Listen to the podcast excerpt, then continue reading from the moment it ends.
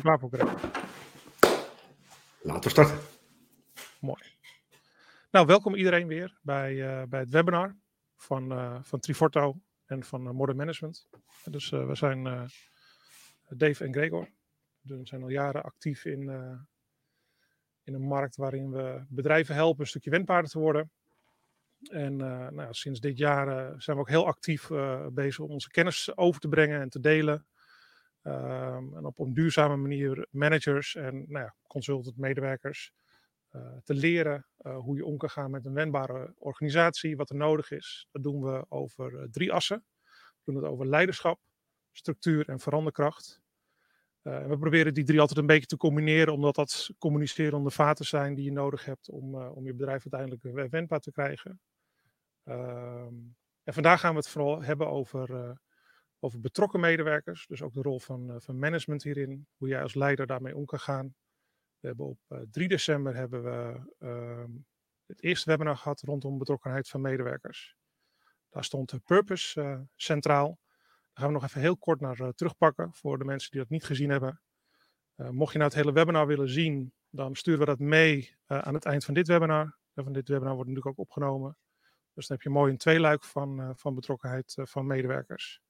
En vandaag staat uh, de waardes van een organisatie centraal. Of misschien wel ook de persoonlijke waardes van jezelf. En hoe je daarmee om kan gaan, wat het effect daarvan is. Wat we zien bij organisaties en uh, hoe je die goed kunt opstellen. En ook hoe je die uh, nou ja, laat, kunnen laten, laten leven in je organisatie. Um, dus we hebben een stukje content voor jullie voorbereid. En nou, daarvoor geef ik het woord aan onder andere aan Gregor. Ja, Thanks. Ja, vorige keer een korte recap van wat we vorige keer gedaan hebben. We hebben het over engaged. Uh, engagement. Nou, dat is natuurlijk een beetje een vage term. Daar begonnen we eigenlijk mee. Uh, wat is dat dan, engagement? Uh, ik heb gekeken in de Dik van Dalen en daar heb je een aantal beschrijvingen. En wat er terugkomt is het woordje vrijheid. Hè? Dus daar halen we uit dat engagement, dan hebben we het dus over mensen die zelf kiezen om iets te gaan doen. Ehm, hè, dus het betekent dat in, in onze context dat iemand denkt van, wacht even, maar de, de doelen van de organisatie, dat zijn mijn doelen geworden. En ik kies vrijwillig om mee te doen. En daarmee breng je dus heel veel creativiteit en energie mee.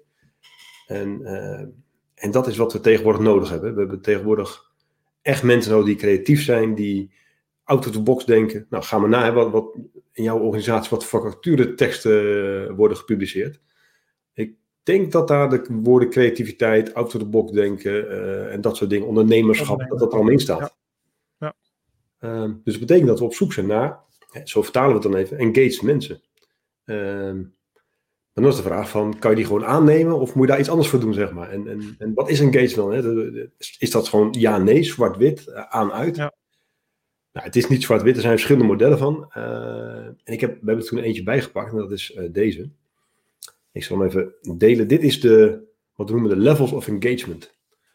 En nou, als we dan onderaan beginnen, dan, uh, dan hebben we eigenlijk hebben we het dan over juist tegenovergestelde van engagement misschien wel. Dat is resistance. Uh, actief tegen zijn. Um, dus we hebben als organisatie een doel en er zijn mensen die gewoon actief tegenwerken. Um, sterker nog, die, die smeden misschien wel bondjes om tegen te werken. Dus dat is nou, het tegenovergestelde van wat we eigenlijk willen natuurlijk. Um, toch zijn die mensen vrij snel inzichtelijk te krijgen. En dat wil niet zeggen dat we die mensen daar in dat hokje stoppen en dat die mensen moeten afschrijven. Nee, die mensen zitten er om een reden. Uh, en we zien vaak dat dat niet eens zozeer komt door de mensen, maar meer om de omgeving misschien die we gecreëerd hebben. Um, wat een veel lastige groep is, is uh, de groep die we nou, noemen apathie. Dus die helemaal niks doen. Uh, die interesseert gewoon helemaal niks. Die denken, joh, op maandag was maar vrijdag, dan ging ik naar de camping en dan ben ik klaar met hier zo werken. Ja. Dat, die doen dus helemaal niks en die krijg je het minst, minst makkelijk denken in beweging. Um, en als we dan nog verder op de ladder gaan, dan komen we echt bij mensen die gaan meewerken, zeg maar. En dan de eerste vorm van meewerken op deze ladder is grudging compliance. Uh, en dat wil zeggen, als, ja, zoveel als met heel veel tegenzin het werk doen.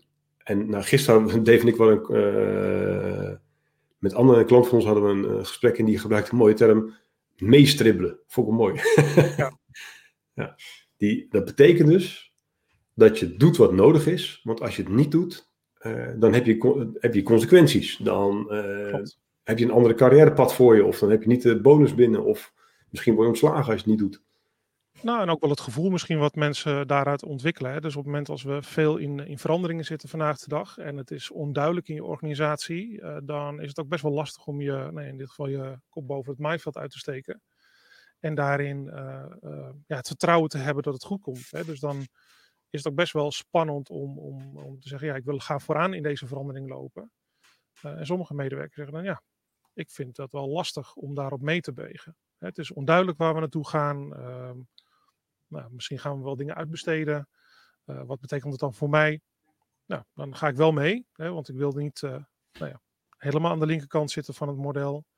Um, maar ik kan me best wel voorstellen dat het spannend is um, om, uh, om jezelf goed, goed te positioneren in, in, in de veranderde omgeving. Precies. Ja. ja, je zegt goed, want het is dus niet een kwestie van dat de mensen in hokjes duwen en zeggen, nou daar zit je en hè, daar je stempel erop en daar moeten we iets mee. Klopt. Nee, het is, het, waarschijnlijk ligt het niet aan die mensen die daar zitten, in dat hokje.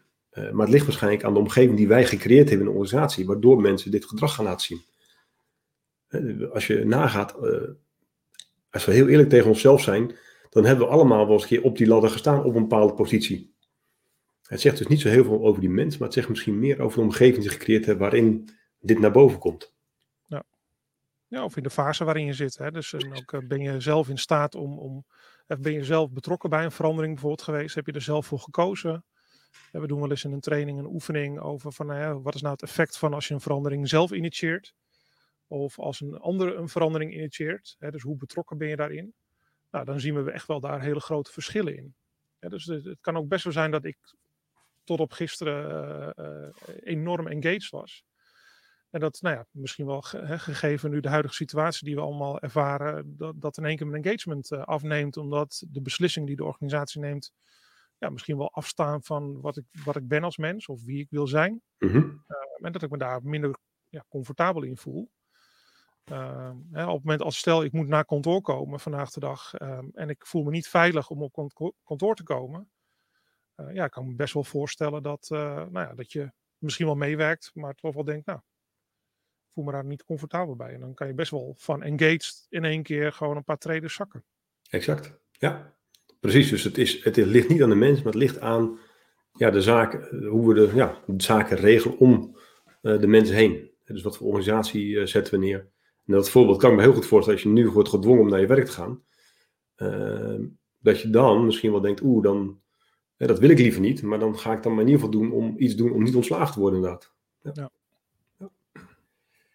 De volgende uh, level in, of engagement, zeg maar, is wat we noemen willing compliance. En dit staat voor, je ziet dat jouw manager, de baas, een goed idee heeft en je zegt, ik wil die manager heel graag helpen. Dus ik ga enorm mijn best doen om die manager te helpen. Ik doe alles wat ik kan doen om die manager zo goed mogelijk te faciliteren en te helpen. Uh, willing compliance, dat noemen ze wel eens good soldiers. Uh, en dit klinkt heel aantrekkelijk en dat is misschien ook voldoende als je aan de lopende band staat en uh, je, je, bent één stukje van de schakel, zeg maar. Dan is dat misschien wel voldoende voor succes voor de organisatie. Uh, maar het is niet genoeg als je in een complexe omgeving opereert. Als je klanten hebt die heel mondig zijn, misschien snel weglopen, uh, hoge eisen stellen. Als je met techniek aan de slag gaat die je nooit eerder hebt gedaan. Hè, dus waar, de zaken onvoorspelbaar zijn, waar je heel veel unknown unknowns hebt. Dan wil je juist uh, juist wil je dan die creativiteit out of the box denken hebben. Dus het is willing compliance, good soldiers zijn niet genoeg. Want die good soldiers die zeggen at your service en die vragen wat moet ik doen? Uh, en dan geef je als, als baas geef je orders en dan wordt het perfect uitgevoerd. En dit is wel bijzonder, want als we dat zo zeggen, dan wat wij merken in ieder geval is dat we heel veel in de organisatie mikken op die good soldiers. Die willen we hebben. Ja. Daar gaan we de wedstrijd mee winnen. Um, maar misschien is dat niet genoeg. Hè? Dus moet je nog een paar stappen hoger op die, ladder of engagement. En dan kom je bij de laatste twee en dan, heb, het, en dan kom je al dichter bij echt engagement. Die, die, die ene laatste, dat is enrolled. Dan zou je mensen zien die zich vrijwillig aanmelden bij je project, bijvoorbeeld. Dan heb je een project en je zegt, hey, dit is gaaf, kan ik meedoen? Ik vind dat mooi, ik vind dat een mooi project. En dan wordt het al meer vrijwillig, zeg maar. Um, bij enrolled is het wel zo dat die mensen ook weer hun aandacht snel kunnen verliezen als we andere prioriteiten krijgen, zeg maar. Maar het is wel een, een maat van vrijwilligheid die erbij komt. Dus dan noemen we het enrolled en engage. En dat is echt de, top level. En dat is het mooiste wat je kan bereiken, is dat mensen zeggen, wacht even, maar het doel van de organisatie is mijn doel geworden. Dus ik ga alles in het werk stellen om dat doel te halen. En dat betekent dat ik ook buiten de uh, gebaren paden misschien ga, out of the box ga denken. Ehm, mijn creativiteit komt mee, mijn energie komt volledig mee. En dan hebben we het echt over engaged. En dat is nou, misschien wel een beetje iets, een shift die we zien van good soldiers naar echt engaged mensen. Uh, waar je echt de wedstrijd mee kan winnen. Uh, zonder dat je die good soldiers uh, misschien alleen maar verzamelt. Ja, en het is natuurlijk ook een hele dunne lijn hè, tussen, tussen engaged en, en, en willing compliance. Hè, dat op het moment als je uh, nou, met hele goede ideeën komt en we willen dit doen, we willen dat doen, dit hebben we nodig om de wedstrijd te winnen. En op het moment als je nou ja, toch wel het fijn vindt als leidinggevende dat iedereen een beetje uitvoert wat je zelf graag wil, dan kan ik me best wel voorstellen dat dat soms een worsteling is voor jezelf. En dat je eigenlijk mensen die, uh, waar je heel veel energie in stopt om engaged te krijgen, dat die toch wel weer snel afzakken naar uh, willing compliance.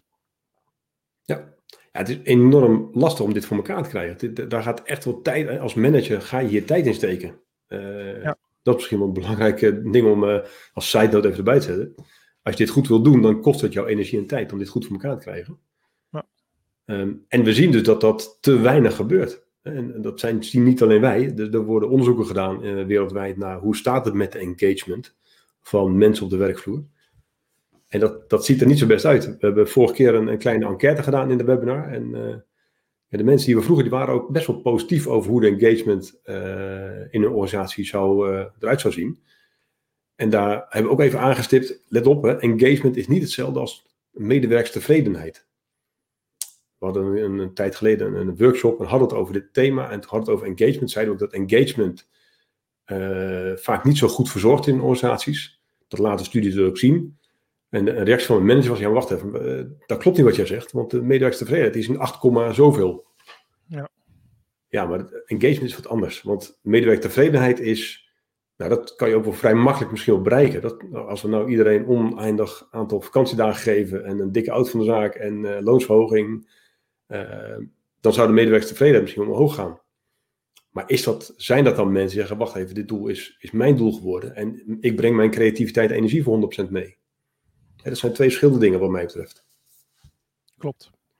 Dus dat is de vraag, hoe zit het met engagement? Wat zeggen die studies dan? Nou, er zijn, die studies die differentiëren een klein beetje op landen, op, op sectoren, maar uh, dit is een beetje door de bank genomen wat we zien. We zien dat een, een, een deel echt uh, nou ja, aan, het, aan het meestribbelen is, zeg maar. dat is die 13%. Uh, we hebben 24%, wat als je enrolled ook als engaged ziet, we hebben 24% wat, uh, waarvan we zeggen dat is echt engaged. Dus zeg maar even een kwart. En dat is een kwart. Maar als je kijkt naar West-Europa, dan is het nog slechter. Dat is 19%. En wat we zien is dat in Europa, en zeker in Nederland, dat het middelste stukje het grootste is. Hè? Dus die hier 63%, dat zie je ook. De meeste mensen zitten daar. En dat komt misschien wel een klein beetje ook omdat we gokken op die good soldiers, zeg maar. Ja. Dus dit is hoe het met engagement staat. dus daar, we willen engaged, engagement willen we hoger krijgen. Uh, maar dan, dan kwam de vraag, wat moeten we daarvoor doen dan? Hoe doe je dat?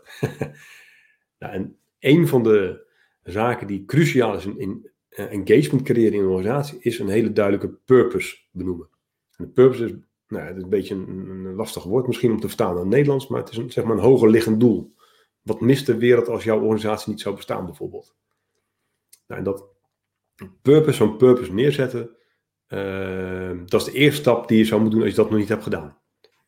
En zo'n purpose neerzetten, daar, daar, heb je een aantal uh, spelregels voor, zeg maar. Nou, daar kunnen we even snel overheen. Ik sla deze over. Een, wat we zeggen is bijvoorbeeld, een, een purpose moet inspirerend zijn. Het moet echt ervoor zorgen dat mensen zeggen, oké, maar hier stap ik s'morgen uit mijn bed. Nou, dat mag duidelijk zijn. Het moet, en dit is wel interessant, het moet naar buiten gericht zijn. Ik heb ooit een keer gezien, wij zijn de beste, het beste callcenter ter wereld eh, van Nederland.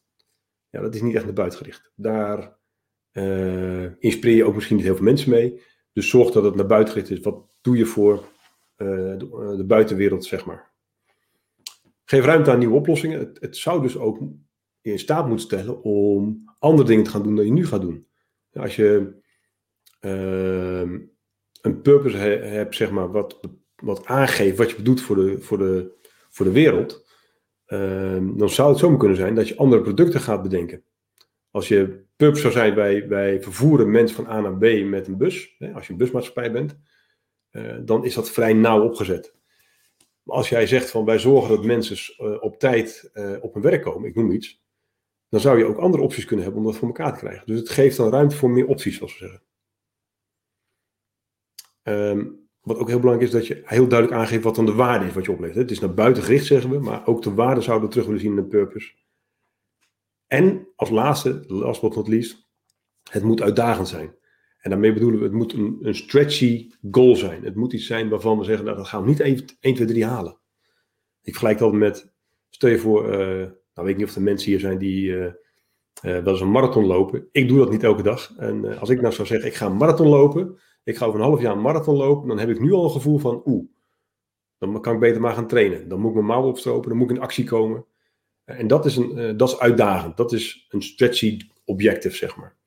En alleen door zo'n stretchy objective al neer te zetten, komt er energie vrij. Dat is wat je wil. Als, nou, als het een, een, niet stretchy genoeg is, dan komt er te weinig energie voor, van, van vrij. Dat zijn een beetje criteria van een goede purpose opzetten. Ik heb heel veel wat ik heel mooi vind is uh, van buurtzorg. Die zegt, uh, wij helpen ouderen en zieken om een zelfstandig leven te leiden.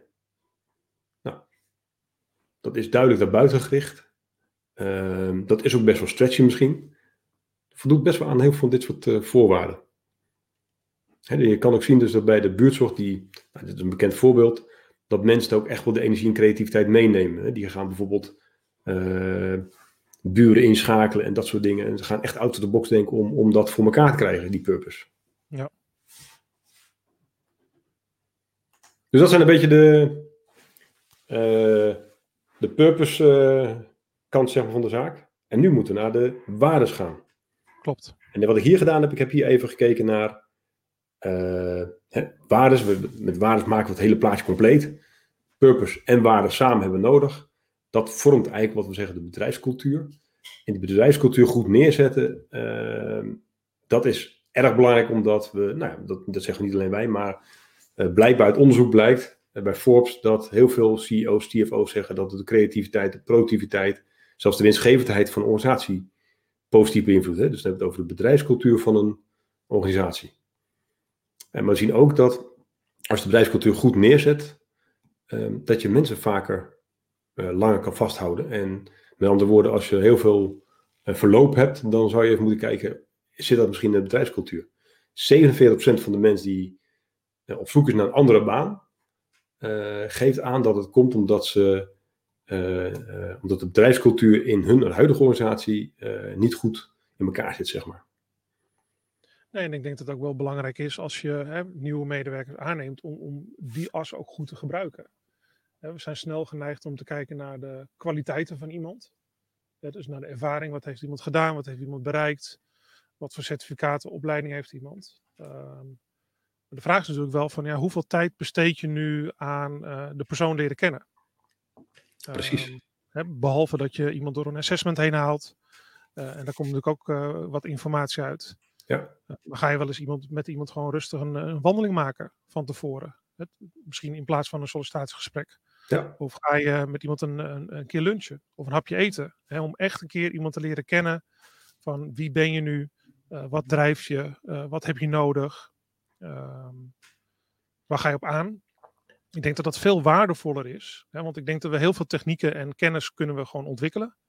Uh, maar de vraag is even of je ook echt waardes kan, uh, kan ontwikkelen. Exact. En, en dat is cruciaal. Hè? Want als je die bedrijfscultuur goed wil neerzetten, dan ben je dus niet alleen met een goede purpose. Dan heb je die waardes ook nodig. We zien een beetje de purpose als een stip op de horizon. En de waardes, dat is een beetje de kompas om er naartoe te komen. Dus waardes, als we het hebben over waardes, dan is dat uh, het gedrag, het gewenste gedrag in de organisatie wat we willen zien. Uh, en dat geeft dus richting aan onze, aan onze acties. Dat geeft richting aan onze beslissingen. En, en dat is de kompas om naar die stip op de horizon te gaan, naar die purpose toe.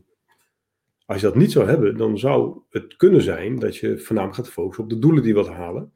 Ja. En dan is elk gedrag daarbij geoorloofd. En dat zou dus uh, schade kunnen brokken aan de organisatie. Dan zet je een andere cultuur neer. Dan, heb je, dan leun je meer op de individuele invulling van hoe mensen hun werk doen. Met welke normen en waarden, zeg maar. En dan zou dat heel verschillend kunnen zijn, maar ook de verkeerde kunnen zijn. En dan zou je zelfs, als je het heel erg maakt, wat ik wel zie, is dat uh, managers hun doelen halen. Ehm, op een manier die niet stroken met de waarden van de organisatie. Maar vervolgens worden ze wel beloond om doelen te halen. En dat geeft een heel gemengd signaal. En dat, dat, dat vormt de bedrijfscultuur op een, op een negatieve manier, zeg maar. Dus vandaar is het heel belangrijk om die, om die waardes, naast de purpose naar die waardes, echt goed op papier te zetten. Wat zijn die dan? En dan, nou, daar heb je ook weer wat, wat spelregels voor om die, uh, als je die op papier gaat zetten. Stel je voor je zegt, ik ga nu aan de slag. Uh, nou, je organisatie heeft helemaal geen waardes op papier staan. Dan uh, is het misschien een goed idee om dat voor elkaar te gaan krijgen. Ik kan me ook voorstellen, nou, ik zit niet in de positie om uh, de waardes van mijn hele organisatie papier te zetten. Nou ja, wat, wat let je dan om dat in voor je afdeling te doen? Of misschien wel alleen voor je team. Maar die waarden opstellen, je moet daarmee beginnen. Purpose, de stip de horizon en dan een kompas. En wat we doen met waardes opstellen, dat is, we beschrijven, wat ik zei, het gedrag. En het liefst uh, waarneembaar en, meetbaar. En nou, dat, dat betekent dus dat we het, liefst uh, uh, iets hebben waar we aan kunnen zien of iemand voldoet aan het gedrag. En dat klinkt misschien heel scientific, zeg maar. Hè? We gaan het meetbaar maken. Maar wat ik een mooi voorbeeld vind is KPN. KPMG moet ik zeggen. KPMG heeft, moet ik even oplezen, hier op mijn scherm staat die. We are open and honest in our communication. Nou, dat vind ik wel mooi. En daarmee beschrijft ze echt een gedrag. En het is ook uh, waarneembaar en meetbaar of iemand dat wel of niet doet, zeg maar.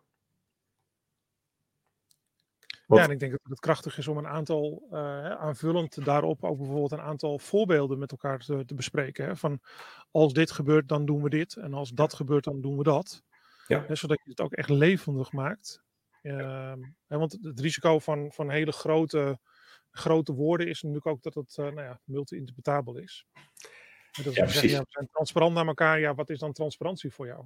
Ja, ja exact. De, de, de, uh, het laatste punt wat we hier hebben staan, doorleef de waardes met de mensen. Dus je hebt ze opgesteld, maar ga dan wel het gesprek aan vlak daarna. Van uh, hoe interpreteer je dat? Want je weet zeker dat hoe goed je het ook opschrijft, dat de interpretatie van iedereen een klein beetje afwijkt. Dus je moet er over het, gesprek mee aangaan. Dat, absoluut. Ja. Het tweede punt is ook een beetje een valkuil. schrijf niet op als instructies. Hè? ik heb ooit een keer gezien een instructie bijna van spreek de waarheid. Dat was een waarde van een, van een organisatie. Maar je kan je voorstellen dat dat niet heel erg uh, fijn klinkt. Dat klinkt meer als een opdracht. Uh, wat, wat ik wel heel mooi vind als in, in de we-vorm. Zoals dat voorbeeld van KPMG. Wij spreken, wij zijn honest en open in our communication. Volgende punt is, dat is wel belangrijk, dat is niet te veel waardes. Ehm, ik zie soms bedrijven met meer dan 10 waardes opgezond. En je kan je afvragen, stel je voor je bent een bedrijf van 5000 medewerkers. Gaan al die 5000 medewerkers die 13, 14 waarden uit hun hoofd kennen? Waarschijnlijk niet. Dus de kracht zit ook in het beperken van het aantal waarden. En daar is, nou nu leun ik even niet op onderzoek, maar dat is een beetje mijn eigen voorkeur misschien. Maar 7 vind ik eigenlijk wel prettig als maximum. Ik zou niet meer doen dan dat. En dan hebben we ook nog uh, onzinnige uh, waarden die af en toe terug zien komen. Ik zou die echt vermijden. Dus als je die waar op papier gaat zetten. Uh, slaat er dan een nachtje over en kijk even, zijn ze zinnig? En daarmee bedoel ik dat ze uh, niet overbodig zijn. Hè? Wat ik wel eens uh, zie is, we moeten winst maken. Dat staat erin. Ja, dat is overbodig, denk ik. Ik denk dat elke organisatie winst moet maken. Hè? winst maken is voor een organisatie net als zuurstof voor de mens. anders overleven het niet. Dus ik denk niet dat je dit soort voor de hand liggende dingen zeg maar, in basis moet opnemen. Um, Klopt. Ik zag ook een, een Australisch bedrijf die had een heel set aan, aan waarden, bijvoorbeeld die. En er stond ineens bij Associate Development. Ja, ik, dat zal een hele goede reden zijn geweest waarom ze dat in een brainstorm sessie hebben neergezet. Maar ja, ik snap het niet en waarschijnlijk snappen al die 5000 medewerkers dat ook niet. Uh, dus doe even een sanity check op je, op je waar die opgeschreven hebt. En nou, we zien wel eens dat dat uh, wel eens mis kan gaan. Wat ook wel interessant kan zijn, is dat je een volgorde aanbrengt in je waardes. of je dat nou op volgorde zet of dat je iets anders uh, doet, waardoor blijkt dat nou, deze waarde vindt het allerbelangrijkste. Dus als je Stel je voor, je bent NASA, je schiet mensen letterlijk naar de maan. Uh, dan kan het best zijn dat je in de waardes iets van hebt. We, we, we, hebben heel veel lol met elkaar. Uh, maar dat uh, safety, veiligheid ook in je waardes voorkomt. Nou, zeg dan dat safety belangrijker is dan die lol misschien wel. Dat kan ook heel verhelderend zijn om dat te doen. Ja, en de laatste hebben we het eigenlijk over gehad. Hè? Doorleef ze. Dus haal de feedback op als je ze hebt opgesteld. Ga ze doorleven. Ga kijken of mensen goed interpreteren. Kijk of het, of het resoneert. Uh, en ga het gesprek aan met de mensenorganisatie. Klopt. Dat laatste, dat, uh, dat wordt was vergeten trouwens. En dan uh, hebben we de waardes gemaakt en dan hangen we op in de, in de gang, op de, op de muur en that's it. Dan zijn we klaar. Maar dat is niet zo. Nee, en ook wel mooi wat Anneke natuurlijk zei, van, uh, hè, dat, dat je, je wil bij voorkeur, hè, wat je ook in het voorbeeld gaf van uh, hè, op het moment als de organisatie nog niet heeft, maar je kan wel met je eigen team aan de slag, ja, doe het vooral met de medewerkers. Ja. Uh, dus dus investeer die tijd erin. En we zijn vaak geneigd om te zeggen van hetzelfde als met een purpose opstellen, nou, hè, dat bedenken we wel. Uh, maar ik kan me ook wel voorstellen dat, dat, uh, hè, dat je als je nu de tijd erin investeert om het goede resultaat te krijgen en die gedragenheid te krijgen, dat je heel veel tijd bespaart aan communicatie en bijsturing. Uh, en dat je ook als leidinggevende veel makkelijker kan reflecteren. Hé hey jongens, hier waren we samen bij. Hier hebben we samen voor gekozen om deze waarden op te stellen. In plaats van dat we ehm, nou ja, heel veel energie en tijd stoppen als organisatie om het op te leggen of nou, te communiceren aan de organisatie. Ja. Ik denk dat het heel krachtig is. Ja. Nou, stel je voor, je hebt die, die stipte horizon, je hebt je kompas, je hebt de waas opgesteld. Uh, je hebt het doorleefd. En dan ben je dan klaar. Nee, want dan gaat het echt beginnen. En dan moet je ze in de praktijk gaan toepassen. Nou, dan komen we bij het laatste punt. Uh, een aantal tips voor hoe ga je nou in de praktijk om met die waardes. Dat ze niet die, dat plakkaat worden aan, aan de muur, maar dat het echt je gaat helpen om succesvol te worden als organisatie. En die bedrijfscultuur vorm te geven.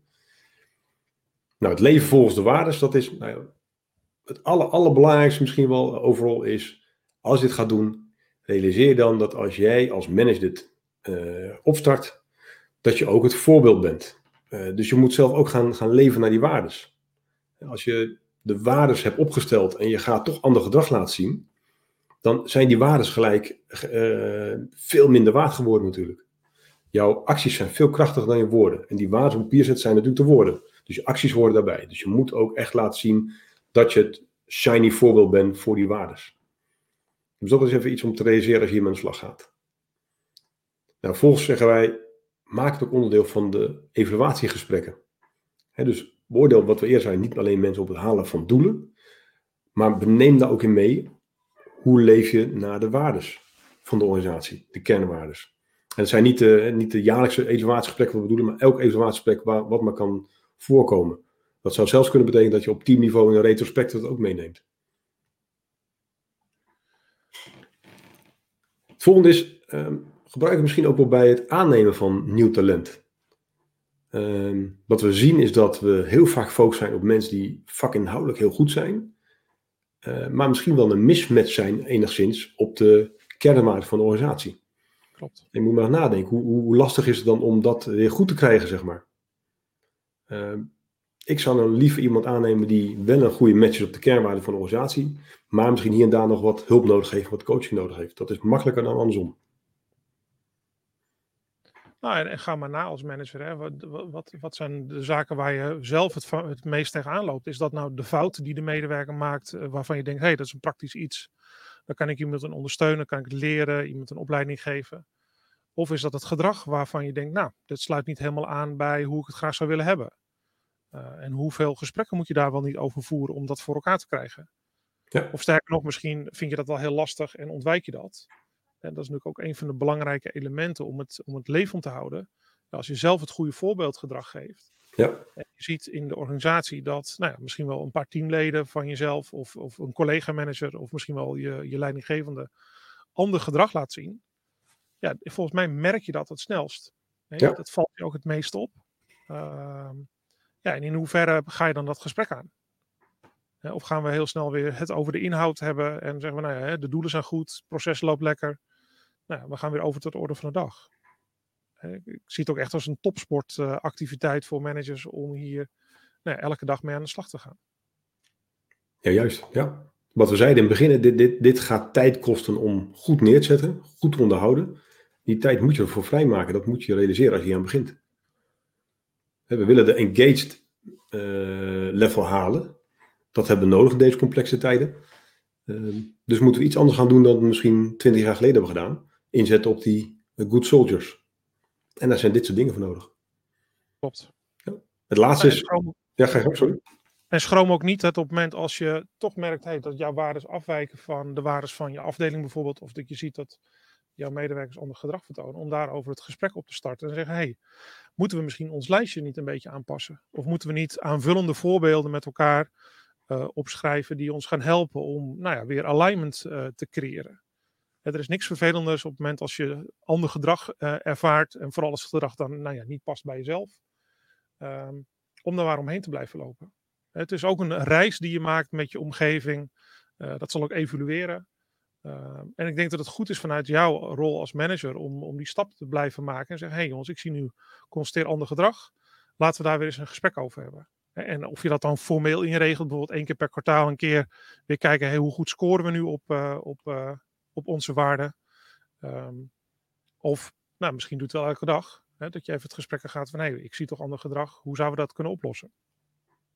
Ja, ja weet Het laatste punt is hier, uh, blijf in gesprek over de waarden. Dus los van de evaluatiegesprek die je hebt, en misschien dat je daar wat ruimte maakt in die gesprekken voor praten over de waardes, uh, hoeft dat niet in een evaluatiegesprek, maar kan het ook op andere momenten. Als, bijvoorbeeld als je de waarden hebt in een organisatie, wil een goede privé, werk-privé-balans. Uh, nou, ga dan ook af en toe het gesprek aan met medewerkers over hoe dat dan voor ze uitpakt. Um, dus je moet dit echt constant laat terugkomen de goede gesprekken. En zo creëer je een bedrijfscultuur. Je moet echt zorgen dat die waarden niet een plakkaat aan de muur worden, maar dat ze doorleefd worden. En daarmee komen we een klein beetje bij de nou, samenversmelting van de stip en horizon en het kompas. Dat zijn twee dingen die je nodig hebt. En dat wil je doen door hè, om mensen op de engaged level te krijgen in deze complexe situatie, in deze complexe omgevingen. Uh, en daar moet je dus purpose en waardes voor neerzetten. Er zijn nog meer dingen die kunnen helpen om engaged mensen te krijgen, maar dit zijn de belangrijkste twee ingrediënten. Ja, en dat zijn ook denk ik wel de twee assen waar je continu op wil reflecteren. Ja. En van op het moment als je gedrag ziet in je organisatie, dan kijk je ook van oké, okay, is het nu helder voor iedereen wat ons bestaansrecht is? Waarvoor zijn we, staan we opgesteld met elkaar? En is, de, is dat nou aligned met elkaar? En ten tweede, oké, okay, zien we dan ook het gedrag wat daarbij hoort? Het is prima om te zeggen, ja, we willen resultaten bereiken met elkaar. Maar als dat ten koste gaat misschien wel van gedrag wat we graag willen zien, nou, dan denk ik dat je daar nog wel een stap te zetten hebt. Ja. Nou, dus kijk naar, ik zou zeggen, kijk naar de waardes van jouw organisatie. Kijk of ze goed gebruikt worden uh, aan de hand van de tips die we gegeven hebben. Uh, en mocht je denken, nou ja, ik, uh, de, de waarden zijn er misschien niet echt op papier gezet. Ga aan de slag met de tips die we gegeven hebben. Kijk naar de purpose en naar de waarde. Uh, en realiseer dat als je ermee aan de slag gaat, dat jij het voorbeeld bent en dat jouw acties veel kracht zijn dan de woorden die je op papier gaat zetten. Mooi. Nou, dankjewel Gregor. Um, ja, we hebben zo uh, ruimte voor, uh, voor, uh, voor vragen en antwoorden. Dus op het moment als jullie nog vragen hebben, hoe pak je dit nou aan? Of je wil graag even je mening delen van hoe jullie dat aanpakken. Nou, dan plaats, een, plaats een opmerking in de, in de chat. Uh, voordat we daar naartoe gaan, hebben we ook een aanbod voor jullie. Voor alle deelnemers die, van dit webinar kun je inschrijven op een strategie-sessie. en gaan we met jullie het gesprek aan over, oké, hoe krijgen we nou de betrokkenheid van onze medewerkers omhoog? wat hebben we goed georganiseerd in een organisatie? Wat zouden we nog beter kunnen doen? we reflecteren met jullie en we kunnen kijken van oké, ligt het nou aan dat ze gewoon niet opgesteld zijn of zijn ze misschien niet goed gecommuniceerd, zijn ze niet goed doorleefd um, of in de uitvoering van, uh, van hoe medewerkers werken, zit daar misschien wel wat, uh, wat zaken wat we met elkaar kunnen oplossen. Nou, we uh, zijn voor een uur beschikbaar voor jullie. vul het formulier straks in als je daar gebruik van wil maken en dan komen we graag bij jullie langs.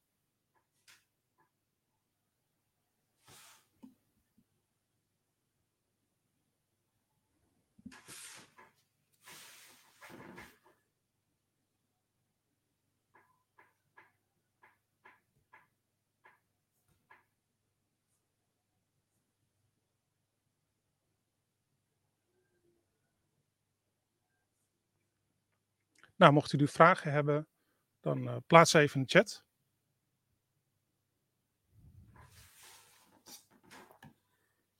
Ik kan me voorstellen dat er wat vragen zijn. Dit is niet een heel klein onderwerp wat we aan de hand hebben. Ik ben benieuwd. Klopt. En zeker ook als ik de cijfers uh, natuurlijk bekijk, dan, uh, dan is er best nog wat te doen. Uh, ik ben ook wel nieuwsgierig van wat de uitdagingen zijn van de deelnemers die, die er vandaag zijn. Ik denk echt dat we op een tipping point staan dat, die, die, die, dat een kwart engaged is van de mensen, dat het over een paar jaar echt meer is. omdat we de noodzaak inzien van nou, iets andere dingen doen dan misschien wel inzetten op die good soldiers.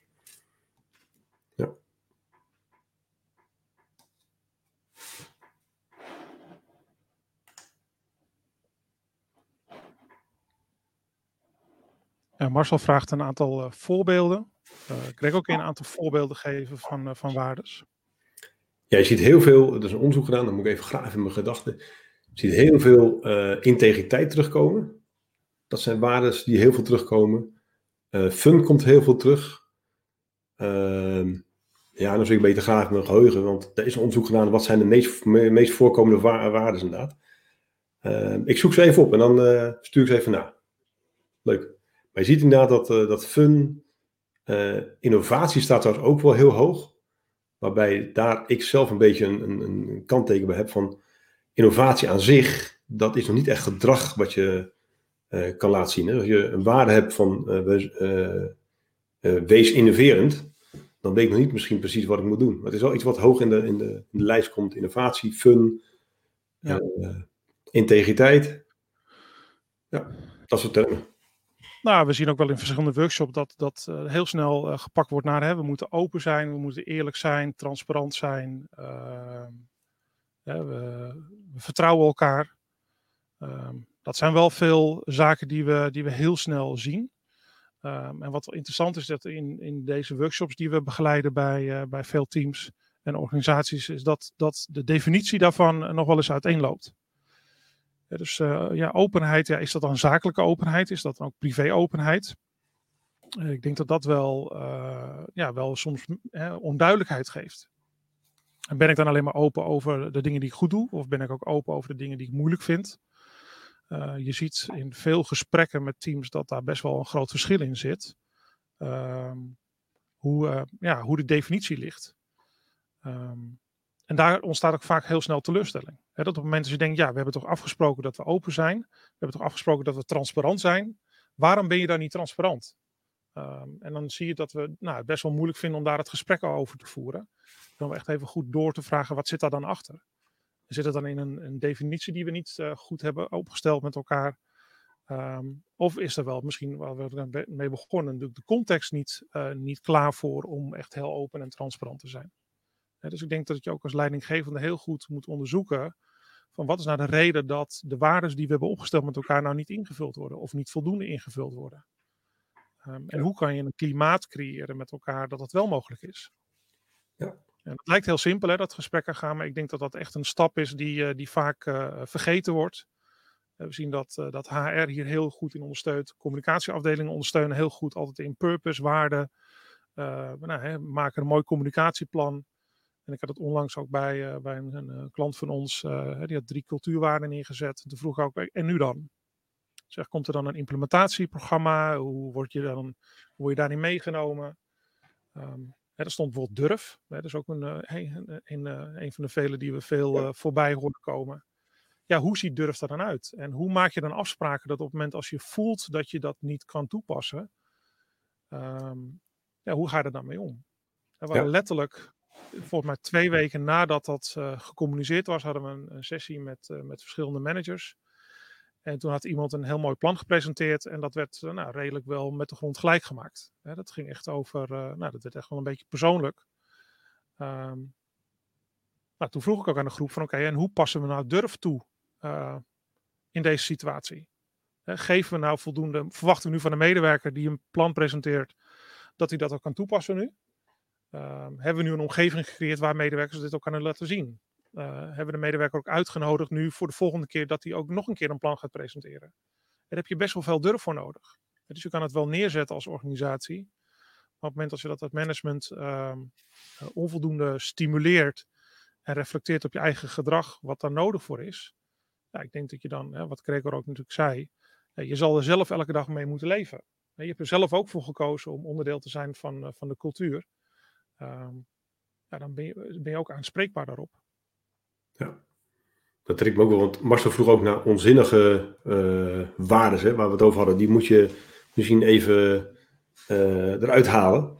Uh, dat durft. Ik, ik heb een, een waarde gezien bij een Australisch, dat Australisch bedrijf. Die had ook work fearlessly and live passionately in zijn waarde staan.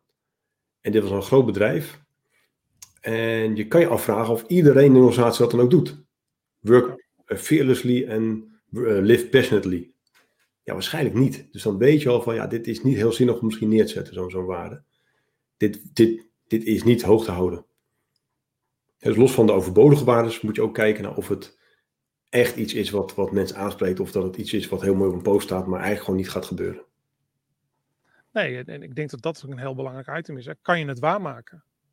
Dus ook, ook uh, bijvoorbeeld openheid vind ik ook altijd een hele interessante, uh, zeker als het gaat om uh, nou ja, van beneden naar boven, maar ook van boven naar beneden. Hè. Dus wat, wat Stef ook aangeeft, is ja, ja. op moment stel, hè, we zitten nu vandaag de dag heel veel in veranderingen en ik merk best wel dat, nou ja, in denk ik 90% van de veranderingen die wij in ieder geval zien of ervaren, is het nog steeds wel redelijk top-down. Ja. Ehm, en dan zitten er best wel veel medewerkers te wachten op die openheid van de organisatie van oké, wanneer krijg ik dan te horen uh, waar we aan toe zijn? Hè, welke duidelijkheid, uh, wanneer krijgen we die duidelijkheid dan? Ja, als je als organisatie zegt dat we open zijn en transparant zijn, dan betekent ook dat je die kwetsbaarheid moet laten zien. Ja, we willen een bepaalde kant op. We zien dat we bepaalde resultaten nou ja, niet halen of niet genoeg halen. Uh, laten we daar dan het gesprek over gaan. Ja. En het interessante is dan ook een beetje in lijn met nu de vraag van Stef. Ja, um, ben je dan bereid als medewerker om die stap te zetten? Hè? Om, om dat gesprek aan te gaan naar jouw leidinggevende? Ja, ik denk dat, dat organisaties zoeken natuurlijk niet alleen maar mensen die passen bij de cultuur, maar je zal zelf ook een besluit moeten nemen, pas ik wel bij de cultuur van deze organisatie? Um, dat op het moment als iemand op een uh, plakkaat opschrijft van ja, we zijn open, om even weer dat voorbeeld te pakken, en je stelt je ook open op. Ik denk dat je ook, ja, misschien klinkt dat wat instrumenteel, maar de cultuurwaarden in je achterzak meeneemt. En op het moment dat je feedback krijgt op de, vraag, eh, op de gevoelige vraag die je stelt, dat je dan ook het gesprek aangaat van oké, zijn we het toch over eens dat dit wel een hele belangrijke cultuurwaarde is? Um, of zou ik die anders moeten interpreteren? Ja. Dus die techniek van, van die vraag stellen en daarop eh, naar refereren, denk ik dat het een prima stap is om met je leidinggevende of nou ja, misschien wel met meerdere leidinggevenden dat gesprek aan te gaan. Nou ja, dat, Zijn we nog met, uh, met deze vorm van, van openheid? Of hebben jullie een andere vorm van openheid in gedachten? Dat kan ook. Uh, zeker bij beursgenoteerde ondernemen kan ik me voorstellen dat je niet uh, alles transparant kan maken. Hè, dus dan zal je, uh, maar ja, als je dat goed uitlegt als organisatie van dit kunnen we delen, dat nog niet, om die reden, ja, dan kan je zelf als medewerker een keuze maken van wil ik daar onderdeel van zijn of niet. Ja, ik vind het een mooie vraag van Stef. Dus wij, wij benaderen een beetje top-down. Als manager heb je meer invloed op de waarde van de organisatie dan misschien als medewerker. Maar eigenlijk is, is als je zegt, als, stel je voor, er zijn er niet die waarden. En als medewerker wil ik ze graag uh, bespreekbaar maken. Dan ben je eigenlijk als medewerker al engaged. Hè? Dan zeg je, ik, ik wil out of the box denken. En ik, wil, ik, wil ze, uh, ik zie daar het nut van in om dat uh, op papier te zetten. En daar, dat te doorleven met z'n allen. We hebben één keer gehad bij een uh, organisatie, een vrij grote organisatie, waar we op één afdeling, die afdeling was een paar honderd man, uh, erachter kwamen dat we iets aan de bedrijfscultuur moesten doen, maar dan de, misschien wel de afdelingscultuur eerst. Um, en dat was niet zozeer dat, dat ik of iemand anders dat vond, maar dat vonden de medewerkers zelf. Die hadden duidelijk aanwijzing van, hey, hier moeten we iets mee doen. En we zijn toen met een aantal mensen van verschillende teams in een hok gaan zitten. En toen kwam deze discussie op tafel. En toen hebben we inderdaad, naar alle de tips die we nu hebben, een aantal waarden neergezet en een purpose neergezet voor de afdeling. En daar kwam zoveel energie voor vrij, van vrij, dat, nou, dat daar was eigenlijk van de organisatie kon niet meer omheen. Dus dat is ook een vervolg gaan krijgen. Um, dus je kan, als je, als je wil, kan je best iets voor elkaar krijgen door iets out of the box te denken. En die taak gewoon op je te pakken. Ik ga het gewoon doen. Uh, wat ook kan werken is misschien uh, zijn de waarden van de organisatie niet op papier gezet, maar zijn ze er wel? De ongeschreven waarden, zeg maar. Misschien is het een goed begin om te kijken wat zijn die ongeschreven waarden en kunnen die vangen met z'n allen. Dat zou een goed begin kunnen zijn. Maar het is heel mooi wat Stef zegt van kunnen we als medewerker zelf ook daar iets aan doen? Ja, je zou het inderdaad zeker kunnen doen. En hoe het dan ja, ontvangen wordt zeg maar, door het management van die organisatie, dat zegt dan weer heel veel over de bedrijfscultuur. Dus nee, wat Dave zegt, als dat er niet goed uitziet, dan heb je zelf een besluit te nemen misschien wel. Klopt. Ja, en ik zou dat, uh, zou dat gesprek dus zeker niet uit de weg uh, gaan. Op het moment dat je je gewoon niet zo lang voelt in een organisatie en die heeft andere waarden en normen dan, dan jij dat voorstaat, ja, dan kan ik me voorstellen dat het op een gegeven moment hè, niet meer te overbruggen is. En dat je nou ja, verder die ladder afzakt. Ja, dan vraagt dan even met hoeveel energie ga je dan naar je werk toe en kom je dan thuis. En ik denk dat het een prima vraag is die, die je zelf continu kan stellen. Ja. Ja, voor mooi. Uh, de vraag van Anita, hoe kan je mensen van apathie uh, nou uh, verder helpen, zeg maar? want dat was de meest moeilijke stap in de, in, de, in de ladder of engagement, zeg maar. Ja, dat, dat is heel lastig. Ja, je, wat je hebt is, je hebt te maken met als eerste dat ze minder zichtbaar zijn in de organisatie. De mensen die in het vakje resistance zitten, die echt tegen zijn, die zijn veel zichtbaarder als zijnde mensen die tegenwerken dan de mensen die helemaal niks doen. En de mensen die een beetje uh, zich gedijst houden, zeg maar. Dus het eerste. Dus je moet ze uh, zien te vinden. En wat helpt is echt kijken op, op nou ja, als je in kleine teams werkt, op dat niveau kijken. Dat werkt dan beter. Dus dat is taak voor misschien wel de team zelf of de teammanager, teamcoach. Uh, om te kijken of, of, of je de zichtbaarheid kan vergroten van deze club mensen. En vervolgens is dus ook iets van, wat kunnen dan die mensen veranderen? Maar het is op zoek gaan naar de grondoorzaken waarom ze dat gedrag laten zien. Ehm, dus op zoek naar, gaan naar de onderstroom. Welke, welke krachtenvelden hebben wij georganiseerd dat mensen dat gedrag laten zien? En dat kan best zijn dat mensen misschien niet de tools hebben om hun werk te doen, of niet gewaardeerd worden in hun werk. Of, dat kan heel veel oorzaken hebben. Maar dat betekent, zodra je ze zichtbaar hebt, moet je het goede gesprek met de mensen aan. Om op zoek te gaan naar wat, doen, wat zit onder die waterlinie, wat is de onderstroom. Uh, en dat betekent dus eigenlijk heel veel gesprekken voeren, goede gesprekken voeren met mensen. Ja, en blijf vooral weg van het gesprek over het proces alleen. Hè. We zien het vaak heel snel het, hebben over het resultaat en het proces en de samenwerking met andere afdelingen. Uh, maar durf ook het gesprek te voeren over hoe voel je nou in deze context? wat gaat er goed? En wat kunnen wij als organisatie, of jij als manager of ik als collega, wat kunnen we daar nou in beïnvloeden? Ja. En wat we zien, we werken natuurlijk best wel veel in teams. Hè, en of dat dan een scrum team is of een ander soort team. Ehm, en ik denk dat je teamleden heel goed weten hoe de vork ervoor staat. Hè, de, of, of hoe, wat de temperatuur van het water is. Dus ik denk dat we ook goed moeten luisteren naar op het moment als we afwijkend gedrag zien. Nou ja, wat gebeurt er dan in dat team? Ja. Want dat kan ook gewoon een onderstroom die gewoon in het team zit. Hè, waar je als manager misschien wat minder zicht op hebt. Ja, maak, laat het team ook gewoon daarin transparant zijn. En durf daar ook een, uh, ja, misschien wel een score aan te geven. vraag ze maar eens hoe engaged ben je of hoe betrokken ben je. Uh, en wat heb je nodig om een volgende stap te maken? Ja, ik heb één keer meegemaakt bij een klant. Daar hadden we uh, iemand die was duidelijk, uh, zat hij in, in apathie, zeg maar. Ehm, en ik ben met die beste man gaan praten. Dat was eigenlijk door, getriggerd door de, de, de manager van die beste man. Eh, die liet zich wat negatief uit over hem. Uh, en toevallig kwam ik die beste man tegen tijdens een training in die organisatie. Uh, ik gaf de training en in de pauze geraakt aan de praat. En toen vond ik uit, toen had, vertelde hij me, die beste man. En dan moet je je voorstellen, een man die, die eigenlijk daar denkt van als hij negen uur op zijn werk komt, oeh, was het maar vijf uur. Die zei tegen mij dat hij de voorzitter was van de grootste korfbalvereniging van Nederland. Dit is al heel wat jaar geleden, dus ik weet niet of dat nog steeds, maar toen was hij dus voorzitter van de grootste korfbalvereniging van Nederland. Ja. Nu ben ik niet zo heel erg thuis in de wereld van korfbal. Maar de grootste korfbalvereniging van Nederland, dat zal best wel een, een, een, grote vereniging zijn, kan ik me voorstellen. En daar de voorzitter van zijn, dan moet je best wel wat creativiteit hebben, wat energie hebben, ondernemerschap. Uh, dat is wel bijzonder. Maar die man die liet dus iets anders zien op zijn werk. En het blijkt dus dat die man uh, een beetje is afgestompt door uh, steeds afgekapt te worden in zijn ideeën. Had heel veel ideeën, had heel veel creativiteit, maar iedere keer werd hij afgekapt. En nee, jij moet dit doen en jij moet dat doen. De focus op good souls. Ik geef een order, dat doen. En vooral die vraag wat, wat, wat, uh, wat, wat die andere van denkt, dat was in deze situatie. En sterker nog, als hij zijn mening gaf, werd niet gewaardeerd. Dus die man die heeft gewoon geleerd in al die jaren. Als ik morgen om 9 uur mijn uh, kantoor binnenstap, dan zet ik mijn energie en creativiteit bij de voordeur even neer. Stap naar binnen en dan loop ik daarna naar buiten en dan pak ze weer op. Uh, ja. Dus het is, dat is het belangrijkste. ga in gesprek met dat soort mensen en, en, en realiseer dat het niet aan de mensen ligt, maar het ligt aan de omgeving waarschijnlijk die we gecreëerd hebben. Mooi.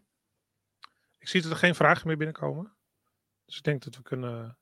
Mocht u nog vragen hebben, stel die gerust.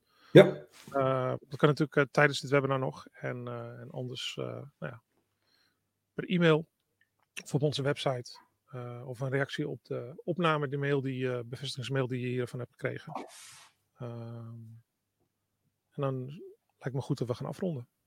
Ja, dan heeft iedereen even tijd om naar de volgende te gaan. Hè. We zitten in de thuissituatie, dus we zitten waarschijnlijk van ene meeting naar een andere meeting. Dus Mensen kunnen Teams of uh, WebEx of wat dan ook gaan opstarten en dan door naar de volgende. Uh, ja, wat Dave zegt, mocht je vragen hebben, dan hoor het graag. Alleen voor deze webinar. Ja. ja. En nou ja, voor 2021 zijn we een nieuwe kalender aan het maken. Ehm, vergeet nog niet je in te schrijven voor de strategie-sessie. Ja, dus, dus ons gratis aanbod om even met jullie te sparren over, nou, hoe is het gesteld bij jullie? wat gaat er goed en wat kunnen wij nou eventueel nog vanuit onze expertise en ervaring toevoegen? Om, uh, om te kijken of we de betrokkenheid van medewerkers kunnen laten stijgen. Uh, dus uh, kijk nog even naar de link. hou de agenda in de gaten. En binnenkort komt er een nieuwe kalender voor, voor 2021 uit. En dan gaan we weer een serie webinars doen op het gebied van modern management. dus de onderwerpen leiderschap, structuur en veranderkracht. En gaan we jullie daarin in meenemen. Mochten jullie zelf behoefte hebben aan onderwerpen, neem contact op nou ja, met ons. En dan kunnen we altijd even sparren over of we daar een leuk webinar over kunnen, kunnen maken. Dankjewel voor jullie aandacht. Thanks, tot de volgende keer. Fijne dag.